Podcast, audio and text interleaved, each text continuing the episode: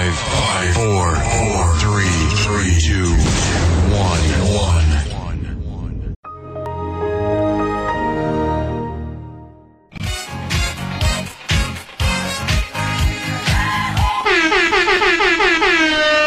Selamat pagi, siang, sore, malam, teman-teman pendengar podcast. Kenapa Bang? Balik lagi dengan kita ada Bang Rian, ada Bang Rehan, Yo. ada Bang Glenn. Halo.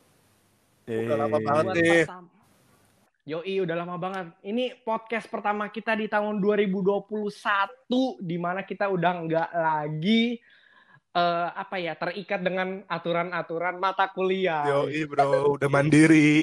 Hmm, udah mandiri. Jadi kita ini udah di brand sendiri gitu lah anggapannya. Kalau kemarin tuh masih ada beberapa peraturan yang harus kita ikutin karena kita nih apa ya masih anak-anak kuliahan gitu. Cuma sekarang kita mau lebih independen lagi gitu. Asik. Yoi. Eh, Bang Rehan, apa kabarnya nih di tahun 2021? Balok, balok. Alhamdulillah. Lagi, Kenapa? lagi ngapain bang kok ngomong Kenapa? ini? Kesel lewat tadi lidahnya. Kesel ya. Apa ya? Baik, alhamdulillah. Ya. Gimana di Bandung? Eh, PSBB kan ya. PSBB lagi. Oh, PSBB lagi ya di Bandung ya? Tapi ya gitulah masih udah jarang nongkrong sih dulu sih. Nggak tahu ya. Kenapa ya? Hmm. Takutnya ya gitu. Banyak yang men- meninggal sih takut itu. Takut Hmm. ikut. Ya pokoknya semoga mm, keluarga-keluarga kita dan juga teman-teman kita tetap eh, tetap sehat selalu, tetap menjaga protokol kesehatan dan juga keamanan gitu. Stay safe, stay home. Ya. Eh, Bang Glenn, kita nih yang satu Mhm, mhm. tanah nih, Hmm, itu satu tanah. anak-anak Batam nih, gimana nih? Apa sehatkah di ujung Ya, sana? puji Tuhan sehat kok baik-baik. Pu- puji Tuhan sehat. Mudah-mudahan kemarin kayaknya Bang Glenn keluarganya banyak yang sakit-sakitan. Semoga Iya. 2021 dijauhkan dari penyakit apa pun itu dari mara bahaya gitu ya. Kalau yang kemarin Stay sih safe. menyakitkan diri ya. Oh gitu. Kenapa itu? Enggak, enggak, enggak. Udah lanjut lanjut lanjut. Eh, kalau gitu ngomong-ngomong soal cerita kita nih sebagai anak-anak kuliahan gitu ya mau ini ada cerita-cerita nih gitu. Jadi gini backstory dari podcast ini adalah gua ngerasa gua sama anak-anak ini udah masuk semester 6 ya kita ya Oh. sekarang Kayaknya. masuk semester 6 kayaknya. Masuk semester 6 terus gue mikir, wah tahun depan gue lulus gitu. Gimana? Ini kayak seakan-akan semuanya tuh berjalan terlalu cepat gitu loh. Abang-abangku tersayang. Terlalu cepat. Nah gitu, jadi gue mulai mikirin nih tentang hal-hal yang bikin gue pusing dan menurut gue kayaknya banyak juga harusnya anak-anak seumuran gue yang mulai eh, pusing tentang hal-hal ini. Jadi eh, judul dari podcast kita, kita kali ini adalah krisis anak kuliah semester akhir. Walaupun kita kita belum semester akhir, Baru mau yo man. Ya, ya, ya. Hmm, baru mau masuk. Nah, eh, pertama tuh gue mau ngomongin soal kerjaan gitu. Bang Glenn, Bang Rehan, kalian kan eh, gimana ya? Ya sama kayak gue lah, anak anak film semester akhir gitu. Iya. Kalian udah pada mikirin belum sih kayak eh, tahun depan kita lulus, kayak nanti tuh pengen kerja apa gitu? Udah pada mikirin belum? Hmm, Bang Rehan deh. kalau untuk prospek pekerjaan sih eh, ada lah beberapa pikiran kayak mau jadi apa dan lain-lain. Cuman untuk rencana ke sananya sih masih belum ada ya. Cuman gue di saat ini kan pas lagi libur lagi karena lagi masih online, gue sebenarnya dituntut buat eh, nyari kerjaan atau sekedar magang dan lain-lain. Pokoknya produktif lah. Ya lu mau buat perusahaan, ya perusahaan, buat bisnis atau buat apa. Penting intinya lu cari duit lah. Gue dituntut untuk itu. Itu dituntutnya sama diri lo apa orang di sekitar lo, orang tua apa gimana? Oh gitu. Emang dibilang gitu Hmm. kayak, ayo dong lu kerja dong. Gitu. gitu kayak oh ya udahlah Hmm. Ya, akhirnya gue putar otak lah ngapain kayak coba-coba live streaming dan Hmm. lain-lain gue mau coba daftar masuk Gojek dan lain-lain lah gitu Live streaming termasuk kerjaan, Bang. kerjaan itu Reza Arab kerja apa Reza Arab. Iya, iya, maaf, maaf. lu parah banget Bang Glenn. Lu kayak merendahkan Enggak, enggak. kaum Aku, kaum aku, streamer aku ya. donate, aku donate kok, aku donate. Oh Iya, aku gitu. donate. Tenang aja. Iya berarti kayak eh, ya sama sih maksudnya gue juga kepikiran kayak gitu soalnya kan kayak eh maksudnya kalau kita mulai di dunia stream streaming kan nggak nggak gampang gitu kan. Hmm. kayak pasti mulai dari kecil gitu. Lu bilangnya bilang ke orang tua lu gimana Han? Kayak oh gue kerja nih gue streaming. Bilang-bilang kayak gitu-gitu. Kayak pokoknya ada hasilnya intinya gitu. Sekarang juga kan Iya, kita gitu. lagi buat podcast gini apa coba ngapain? Buat apa ini? Iya, gitu lah ya. Kita mencari Iya Eh, kan apa- kan Tahu medium oh. buat menyalurkan hal-hal yang bisa kita Iya. kerjakan gitu lah maksudnya. Bang Glenn, kalau lu gimana bang? Sama sih harus gue nggak nggak jauh beda dari Rehan sih. Kayak eh, udah mulai mikir kan kan karena sekarang lagi liburan jadi nggak terlalu gue pikirin. Tapi walaupun kadang-kadang kalau mau tidur itu juga kepikiran terus anjir anjir gue bentar lagi lulus gue kerja apa ya kalau gue nggak bisa di film gue jadi apa anjir guru seni Itu berarti kayak option B-nya guru Iya, seni. enggak enggak. Itu bercandaan di otak gue aja anjir. Paling ya apa gitulah. Nggak jauh beda dari Rehan. Gue juga eh, udah mulai agak dituntut-tuntut untuk kan mumpung online nih coba nyari part time kayak magang kecil-kecilan kayak atau buka bisnis kecil-kecilan kayak. Ya gitu sih. Jadi kayaknya emang kita-kita nih udah nyampe di umur di mana ngerasain banget pengangguran gitu ya. kayak gimana ya? Eh, gue sekarang tuh jadi duit tuh jadi gimana ya gue tuh Hmm. minta ke orang tua tuh udah aduh iya iya iya iya iya. tuh apa sih? Gitu kayak udah gak enak lah gitu. Padahal selalu ibu gue tuh bilang ya itu udah hak ibu sama ayah kamu gitu. Tapi ya tetap gue tuh gak enak. Nih udah minta aduh males lah gitu loh jadi mending ngirit duit lah. Kali ya udah kepikir ke situ kali. Hmm, jadi kayak ada ada pressure Hmm. gitu ya buat Mm-mm. dari nggak tahu dari diri kita atau dari orang luar buat kayak ayolah lu produktif lah dikit kayak lu menghasilkan sesuatu lah gitu. Mm-mm. dan akhirnya kita bikin podcast nah gitulah Eh, gimana ya tapi kalau menurut kalian itu pressure-nya sebenarnya lebih dari diri sendiri apa lebih dari orang lain buat ini eh, kerja Kalau kalau kalau dari gue, gue ngerasa kayak gue ngerasa lebih dari karena gue melihat orang-orang lain yang di usia gue sudah sudah bukan sukses sih, tapi udah punya kerjaan dan sudah bisa menghasilkan. Hmm, hmm, hmm. Kayak udah ada yang eh, bisa beli mobil, anjir masih berapa sih? Gue udah berapa sih? 20 tahun bisa beli mobil. Habis itu udah nggak Hmm. perlu ditransfer uang bulanan dan sejenisnya gitu lah. Nah, ya itu ya kayak eh ini sebenarnya ini nih yang gue mau ngomongin tadi. Kalau di umur-umur kita nih udah banyak kan kayak eh orang yang mulai usaha padahal kecil-kecil aja terus lama-lama kayak gede gitu kayak teman kita ada yang jualan cover buat kartu terus sekarang udah beli BMW gitu. Terus kayak eh, ada teman kita yang misalnya dari jago makeup doang terus sekarang jadi influencer. Pokoknya kayak orang-orang kayak gini tuh malah bikin kita kayak aduh gila dia seumu seumuran gua tuh udah banyak gitu duitnya. Kayak eh kalau di otak kita pasti mikirnya masa depannya udah terjamin gitu. Kayak gua ngapain aja gitu loh. Kayak selama selama apa ya kayak tiga tahun gua dianggap dewasa de- kayak dewasa kan 18 tahun gitu ya Hmm, 18 sampai 20 tahun gua ngapain aja gitu tuh. Ya nggak sih Han? Iya benar. Padahal kalau gimana ya? Itu kan lebih ke lingkungan ya kalau kata gue kalau lingkungan lu Hmm. yang masih dimanja orang tua yang apa apa dikasih orang tua gue yakin misalnya kita ada di lingkungan itu juga kita nggak bakal segan gitu minta ke orang tua atau dan lain-lain Tapi kalau misalnya kita lingkungannya emang yang yang ngekos terus kemudian Hmm. hidupnya sendiri dan banyak juga uh, teman-teman kita yang udah istilahnya dia berusaha untuk ngeri duit pakai usaha sendiri gitu loh nah itu kita jadi Hmm. kepancing misalnya gitu kan ya itu juga Mhm. ya bagus sih sebenarnya tapi kan nyari duit nggak gampang ya Iya benar. hal itu juga kan yang buat kita jadi agak minder dan jadi kepikiran Iya, iya, iya. Hmm.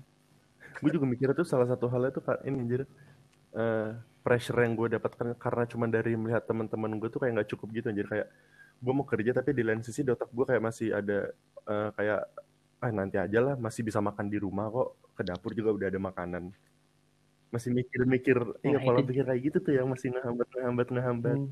apa ya dilema anak-anak kita zaman sekarang tuh itu sebenarnya kayak terlalu banyak hal yang dipikirin di otak tapi yang dikerjain tuh belum tentu sejalan Iya, sama yang iya. di otak gitu loh. kemarin tuh gue habis nonton ini film Pursuit of Happiness Will Smith gue kayak Hmm. mikir anjir atau gue harus kabur dari rumah ya supaya gue bisa merasakan press untuk mandiri gitu Kayaknya harus enggak sih matamu sih mati gue gitu. Ngomong-ngomong kerjaan nih, eh, kan banyak nih yang bilang kayak eh, kejar aja passion lu gitu, karena nanti kalau lu, kalau lu kerja di sesuatu yang lu enjoy banget, lu nggak bakal ngerasa kayak lu kerja. Gitu. Tapi ada juga yang bilang kayak ah passion passion tai gitu, lu ngapain sok-sok ngejar passion gitu kayak padahal ujung-ujungnya yang lu butuhkan Iya, adalah duit buat bahagia kayak eh apa ya pendapat Ya, kalian soal itu apa sih Passion lu, Glenn passion lu akan ngebawa lu ke titik sukses lu. Nggak akan selalu ngebawa, bukan nggak akan ngebawa ya. Nggak akan selalu bisa Hmm. ngebawa anjir.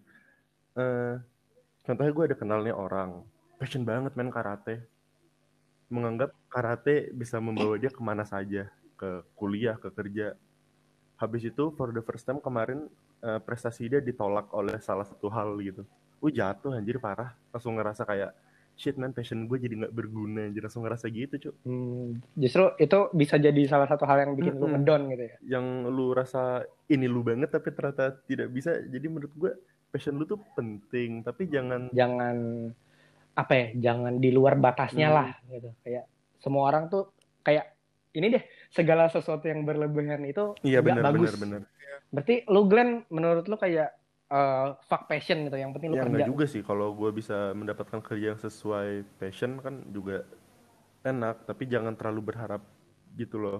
Kalau lu ada kesempatan Hmm. kalau lu ada kesempatan A nih tapi passion lu B kenapa lu tidak coba ambil dulu aja kesempatan A itu? Jangan nunggu kesempatan B anjir. Hmm. kalau kesempatan B nggak muncul gimana? Kalau Rehan menurut lu gimana passion versus kerjaan? Gue dari passion gue setuju banget dengan passion itu. Misalnya kalau kita ada di passion itu jadi ngerasa nggak capek gue ngerasain itu pas gue lulus SMA dan masuk kuliah film Hmm. gue ngerasa ngerjain Hmm. tugas tuh yang gak jadi beban gitu kayak pas SMA gue ngerasa capek banget boy ngerjain makalah ngerjain apa yang tiba-tiba dari IPS di selanjutnya kita tiba tiba belajar matematika kan itu kayak suatu hal yang bertentangan banget tapi harus dilaksanain pada satu hari gitu kan. Agak ribet juga tapi pas gue kuliah ya makanya gue setuju banget pas eh, ada statement itu bahwa passion tuh memang ngedukung istilahnya berpengaruh lah beberapa persen dalam iya iya. suatu yang lu kerjakan gitu loh. Tapi kalau untuk pekerjaan sendiri sih gimana ya gue gue tuh nggak nggak cuman istilahnya apa ya gue harus kerja di tempat eh, yang kuliah gue iya apa sih eh, bidang bidangnya gitu maksudnya. Kan gue mikirnya Hmm. kerja tuh nggak cuma buat duit gue juga mikirnya kerja itu cari pengalaman dan lain-lain gitu. Kenapa enggak kalau misalnya gue dapat kerjaan istilahnya sekedar tukang fotokopi atau misalnya tukang yang ngebantuin buatin kopi buat si bos atau apa pun itu kan dari situ kan kita bisa ada interaksi sama orang yang pengalaman karyawan-karyawan di sana hal itu kan bisa nambah wawasan juga Hmm. mungkin ya yang mungkin nanti bisa jadi portofolio kita ketika kita mau masuk ke dunia yang di bidang kita ada gitu jadi istilahnya jadi nilai plus gitu wah ternyata dia nggak hanya eh, bisa di bidang ini nih ternyata dia udah punya pengalaman jadi karyawan swasta atau jadi apa bla bla bla bla gitu kan jadi nilai plus ya gue mikirnya gitu sih gitu Hmm. Ya udah. Eh, kalau gitu gue pengen nanya deh ke, ke lu bro ya. kalau misalnya ada yang nawarin lu nih ada dua kerjaan nih. Satu nih kerjaan korporat yang nggak terlalu capek tapi duitnya banyak. Terus ada nggak bukan bukan nggak terlalu capek deh, capeknya biasa aja kayak ya udah orang kerja 9 to 5 gitu ya. Terus ada yang bilang, "Eh, ayo bantuin gua startup yuk, lu kerja di misalnya passion kita eh, anak film ya, lu kerja jadi orang yang bikin film gitu. Kita mulai dari nol banget nih. Eh, ya apa ya ka- kalau misalnya soal duit ya pasti ya, gi- gimana duitnya perusahaan startup aja. Lu berdua bakal lebih milih yang mana? Yang yang startup apa yang udah jamin? kalau gue sih startup sih kayaknya Kenapa menurut? Coba diperjelas sedikit. kayaknya kalau eh, sebenarnya dengan tadi statement gue yang gue omongin tuh beda kondisi ya maksudnya kalau misalnya kita nyari nggak ada pilihan lain selain di bisnis korporat dan lain-lain gue pilih itu cuma kan ini ada pilihan yang gue sukain nih jadi ya Mhm. gue lebih milih yang gue sukain daripada eh, yang tidak di bidang gue sebenarnya intinya itu cuman kalau tidak ada pilihan yang startup ya Hmm. mau nggak mau harus ke sana kan kalau Kalau- kepaksa ya jatuhnya tapi gue jalanin bukan secara Hmm. kepaksa gitu. Tapi kan kalau jatuhnya di pilihan pertama lebih menjanjikan gimana? Nah kan kita nggak bisa apa sih berspekulasi bahwa yang bisnis startup ini tidak menjanjikan Iya iya iya sih. Cuma kan kita kan nggak tahu ujungnya Hmm. di kalau startup mengerti iya. Kayak anggapannya Iya, risiko di itu. startup tuh lebih gede Iya. banget daripada dibanding yang korporat. kita bisa lebih mengeksplor daripada kita hanya sekedar jadi karyawan Kalau lu Glenn gimana? Hmm, gue bimbang banget anjir gue gue gue mikir kalau gue lebih mementingkan materi tapi kalau tidak sesuai hati gue jatuhnya malah nanti gue bolos-bolosan dan gue nggak niat. Jadi jatuhnya dipecat juga anjir. Nggak boleh dua-duanya ya? Kerjain yang Ya, kerjain kerjain yang A untuk mencari modal yang B gitu kan. Glenn, apa? gue kasih tahu lo dulu. Lu kuliah aja nggak sambil kerja, nggak usah banyak omong. Nggak kan katanya kan lu kalau diberikan kesempatan lu harus mengambil keduanya jangan memilih kan kalau lu kalau lu Yan kalau lu gue penasaran kalau lu Eh, milih yang mana Yan Oh, kalau gua kalau gua sih eh gimana ya? Kalau menurut gua passion tuh gua bukan mon- menomorduakan passion sih, cuma kayak kalau nih, gua concern gua tuh dari dulu tuh ini kayak misalnya gua kenal nama anak di kafe nih, kayak anjir lu tiap hari kerjanya gambar, gambar, gambar mulu. Nanti lama-lama iya lu enak sama gambar gitu. Iya, gue takutnya begitu kan. Eh kalau misalnya kalau misalnya pilihannya startup apa ini nih, kayaknya gue mau ini dulu, Iya, gue mau stabil dulu. Gue pengen ekonomi gue stabil dulu. Kalau kalau udah di tempat di mana gue enak, baru gue drop. Mungkin gue cari ke yang eh apa ya kerjaan yang Mm-mm. bisa menyokong passion gue gitu. Ya makanya gue juga mikirnya kayak gitu nanti habis kuliah gue pengen nyoba apa ya kayak apa aja lah Iya, pokoknya bener. yang bisa menghasilkan duit gitu terus nanti eh gue lihat apakah di hidup gue tuh eh maksudnya posisi ini tuh udah enak buat dilanjutin atau kayak mungkin soalnya kan takutnya kan kalau 30 tahun nanti kita umur 30 tahun nih terus kerjaan kita nggak mengenakan terus masih ada 20 tahun lagi buat kita umur produktif gitu lah kayak lu mau kerja gitu-gitu aja atau lu mau kerja di tempat yang bikin lu merasa fulfilled gitu ngerasa puas. Nah pokoknya itu bener-bener apalah situasional banget lah kayaknya cuman kayaknya kalau gue sih tuh pilihan yang bagus. Iya, pilihan yang bagus yang langsung dibenci abis sama ratusan anak seni. gitu. ajak gue ya. Itu dia. Nah Koneksi. itu dia. ide bagus tuh. Banyakin teman.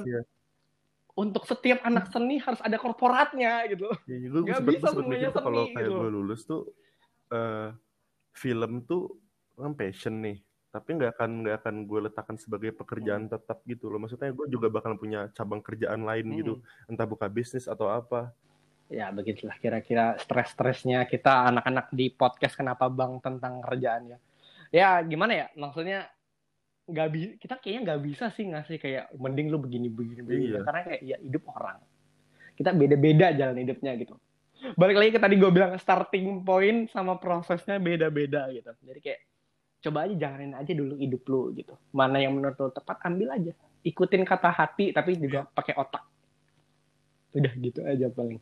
Eh kalau gitu lanjut lagi deh ke topik kedua nih. Wis mungkin topik kedua ini topik yang lebih asik buat eh buat apa ya? Buat anak-anak anak-anak di mana pun lah untuk umur berapapun lah daripada ngomongin kerjaan stres-stres kayak kalau tadi kan anggapannya eh buat anak-anak yang kayak aduh gila gue gue gue pusing nyari kerjaan nih ada nggak anak-anak lain yang pusing nyari kerjaan juga kayak gue kalau yang ini Uh, kita ngomongin cinta. Wah apaan boy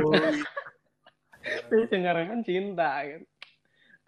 Eh, di umur segini gitu kan eh, pada mikirin aduh pacar gue gimana ya sekarang ya? Apa kayak mungkin orang yang single pengen punya pacar orang yang udah punya pacar pengennya nikah orang nikah mungkin mikir kecepatan. Jadi banyak gitu krisis-krisis anak-anak semester akhir anak-anak yang udah 20 tahun lebih kayak kita gitu.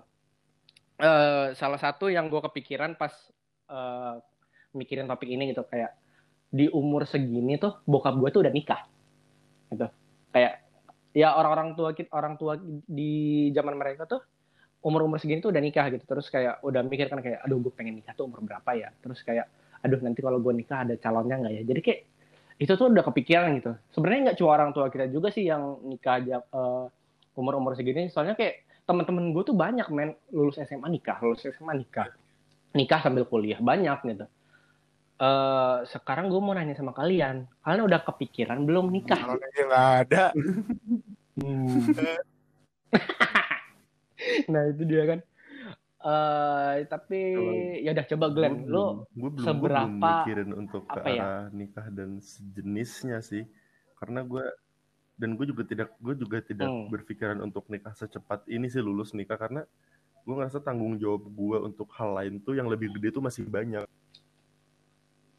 karir gue juga masih karir. punya dua adik yang Bentar. rasa yang masih jadi tanggung jawab gue jadi Hmm. Even kayak bokap nyokap gue aja nikah di umur 30 menuju 40 anjir baru nikah. Gue nggak mau kayak gue cepet-cepet nikah nanti gue ngambil gue ngambil nih anak-anak orang nih ya. Nih udah enak-enak nih hidupnya nih sama bokapnya nih. Pas gue tarik sama gue sengsara kan kasihan. Eh, kalau Rehan gimana? Kalau lu udah kepikiran Belum lagi, nikah Iya. belum? Kacau kalau udah. makanya. Pokoknya, aduh, gimana ya? Ya apa ya, kayak Hmm. banyak kan itu yang harus dipersiapin ya. Nggak cuman cuman nggak cuman apa namanya? eh, masalah kemapanan dan lain-lain aja. Kesiapan mental juga itu, boy. Itu kan nikah tuh kan nyatuin dua kepala ya. ya itu. Wah, Hmm. panjang sih prosesnya. Nah itu salah satu concern di gua gitu gimana kayak gua aduh nanti ada nggak yang pengen sama gua gitu kan terus kayak nggak tahu ya kadang-kadang gua tuh picky gitu kadang-kadang kayak pengen pengen yang good Nah, looking itu tapi dia permasalahannya mungkin udah ya. udah bingung kok gue nggak bisa punya cewek sekalinya ada cewek picky kan hantu Nah, itu. Sekalinya ada Gue cewek udah lepas picky. dari Nah, situ itu ya. Kalau kayak lu tahu, gue pribadi. Gue dulu yang kayak kayak lu banget nih. Gue Hmm. punya gimana tipe dan apa pun itulah yang sedetail apa pun itu sekarang kayak udahlah Hmm. siapa aja udah gak udah udah mencoba untuk kayak oke udah ngeliat Hmm. dari luar malah gue lihat dari dalam ini deh ya udah eh gua tanya ke siapa ya asiknya? apalagi Rehan nih yang pengalamannya banyak nih menurut lu lu selama lu 20 tahun hidup apa sih yang kurang di kehidupan cinta lu? eh, ada yang kalau kurang gue jangka waktu ya justru ya belum ada yang long lasting makanya gitu gue ya. dibilang playboy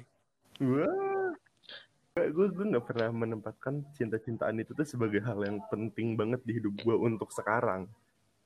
Jadi gue kayak gue nggak terlalu Uish. mempedulikan sih apa yang gue dapat atau apa yang gue nggak dapet. Gue masih nggak tahu juga anjir. apa ya kalau kalau Apa- misalnya gue sih dibanding lu pada gue kurang banyak sih karena gue tuh gue kan hubungan Ya. gue selama ini Nggak jelas sih padat jelas gak jelas itu bener banyak yang belum gue rasakan sih kayak eh kayak kayak si Rehan juga gue belum belum pernah pacaran yang lama-lama banget gitu. Terus kayak gimana ya gue belum pernah nyampe di titik bucin-bucin banget dianya bucin banget sama gue gitu. Karena kalau kata orang kan cewek itu 0% dulu baru naik ke 100 gitu kan. Kalau cowok kan 100 turun ke 0 mitosnya tuh. Gue belum pernah tuh nyampe yang 100 tuh kayaknya tuh.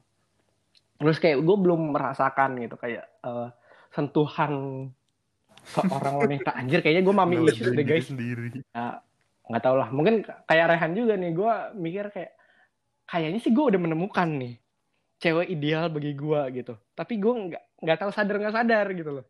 Kadang-kadang waktunya belum tepat Gila. emang buat kita untuk jatuh cinta. Asik. Najis banget nih podcast jadinya kayak terlalu ih terlalu dua tahun ke depan nih. Apa yang pengen lu dapat di kehidupan cinta lu selain pacar tentunya gitu? Kayak anggapan lu dapat pacar apa yang lu harapkan gitu misalnya? Eh, kalian. apa ya Itu yang tadi gue bilang gue tidak pernah mendapatkan tentang cita-citaan di posisi pertama sih. Jadi gue tidak mengharapkan apa-apa sih. Lebih ngeharapin ke hal yang lain. hmm. atau enggak ya kalau misalnya dipaksa-paksa lah gue Mhm. mikirnya yang punya gue sayang ke dia dia sayang ke gue sama ke ibu gue udah itu aja sih Kalau lu deh, lu deh, lu gimana lu? kalau gue ya gue sebagai orang yang tidak munafik dan banyak kekurangan gue cuma pengen sosok yang bisa Oh, jujur sama setia udah itu aja. Kalau set- kalau setia kan mungkin bisa bisa bertahan lama gitu. Terus gue nyampe sekarang tuh yang penting jujur sih. Kayak eh, nggak tahu ke- setahun kemarin gitu gue kalau kalau misalnya kenal sama orang gitu kayak kadang-kadang kalau ada yang kurang suka apa ada cekcok gitu loh. Kayak ada yang nggak suka kayak ya udah jujur aja gitu ngomong aja kayak kayak kemarin nih cewek ce- cewek gebetan gue yang terakhir kayak gue menurut gue dia tuh terlalu apa ya terlalu frontal buat gue terlalu terlalu kayak belum belum apa-apa. Kita nih baru kenal dua minggu kenal dua minggu terus nge dia nih banyak minta aduh gue pengen pengen cowok yang begini begini begini. Gue kalau gue kalau pacaran tuh sukanya panggilannya ayang-ayang gak boleh manggil nama gitu. Gue kayak kita baru kenal gitu. Kayak terus kayak kalau gua kalau gua nggak suka lu gimana gitu? Kayaknya mending kita eh, kalau misalnya emang nggak nemu kompromi ya udahan aja gitu. Kalau gue lebih suka kayak gitu yang penting tuh sekarang tuh omongin aja daripada diem-diem lama-lama jadi sesuatu yang nggak enak gitu. Soalnya kayak mantan gue juga ada gitu yang nggak suka sama sesuatu tapi tuh nggak ngomong. Nggak ngomong terus kayak Kayak ujung-ujungnya gitu. udah kita udahan aja deh terus di- Nah, terus dibeberin dia. gitu gue nggak suka ini ini ini ini ini ini kayak ya Allah bilang dong kan kayak ada yang kayak kesalahan yang gak sengaja kesalahan yang kayak sebenarnya sepele bisa dibenerin tapi ya gitu lu nggak bilang nggak ngomong emang Salah di komunikasi mastermind. adalah Salah lu, lu nggak bisa gitu. baca pikiran lu. Itu nggak bisa baca hati.